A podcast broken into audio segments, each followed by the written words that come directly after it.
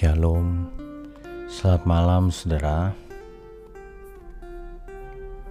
Saya ingin membacakan satu nas Alkitab pada malam ini. Saya ambil dari 2 Korintus pasalnya yang keempat, ayat 16.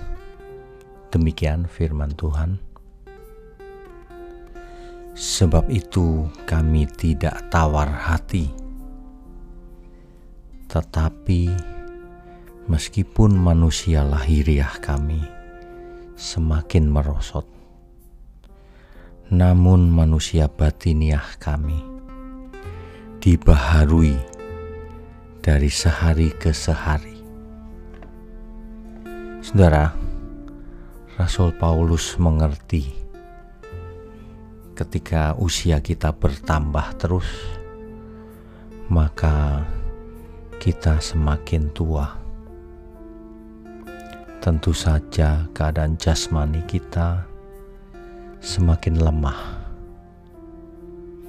Tetapi justru ketika manusia lahiriah kita semakin merosot, semakin lemah. Tetapi hendaklah manusia batiniah kita selalu dibaharui dari hari ke hari.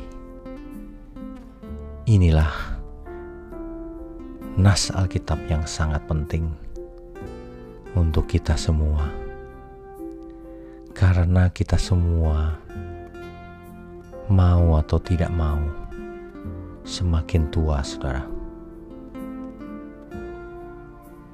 Hendaknya ini menjadi satu peringatan buat kita semua agar semakin tua, meskipun tubuh kita semakin lemah, tapi hendaknya manusia batiniah kita atau karakter kita semakin dewasa di dalam Tuhan. Semakin matang iman kita. Janganlah semakin tua, semakin karakternya buruk. Marilah kita persiapkan baik-baik sementara tubuh kita melemah.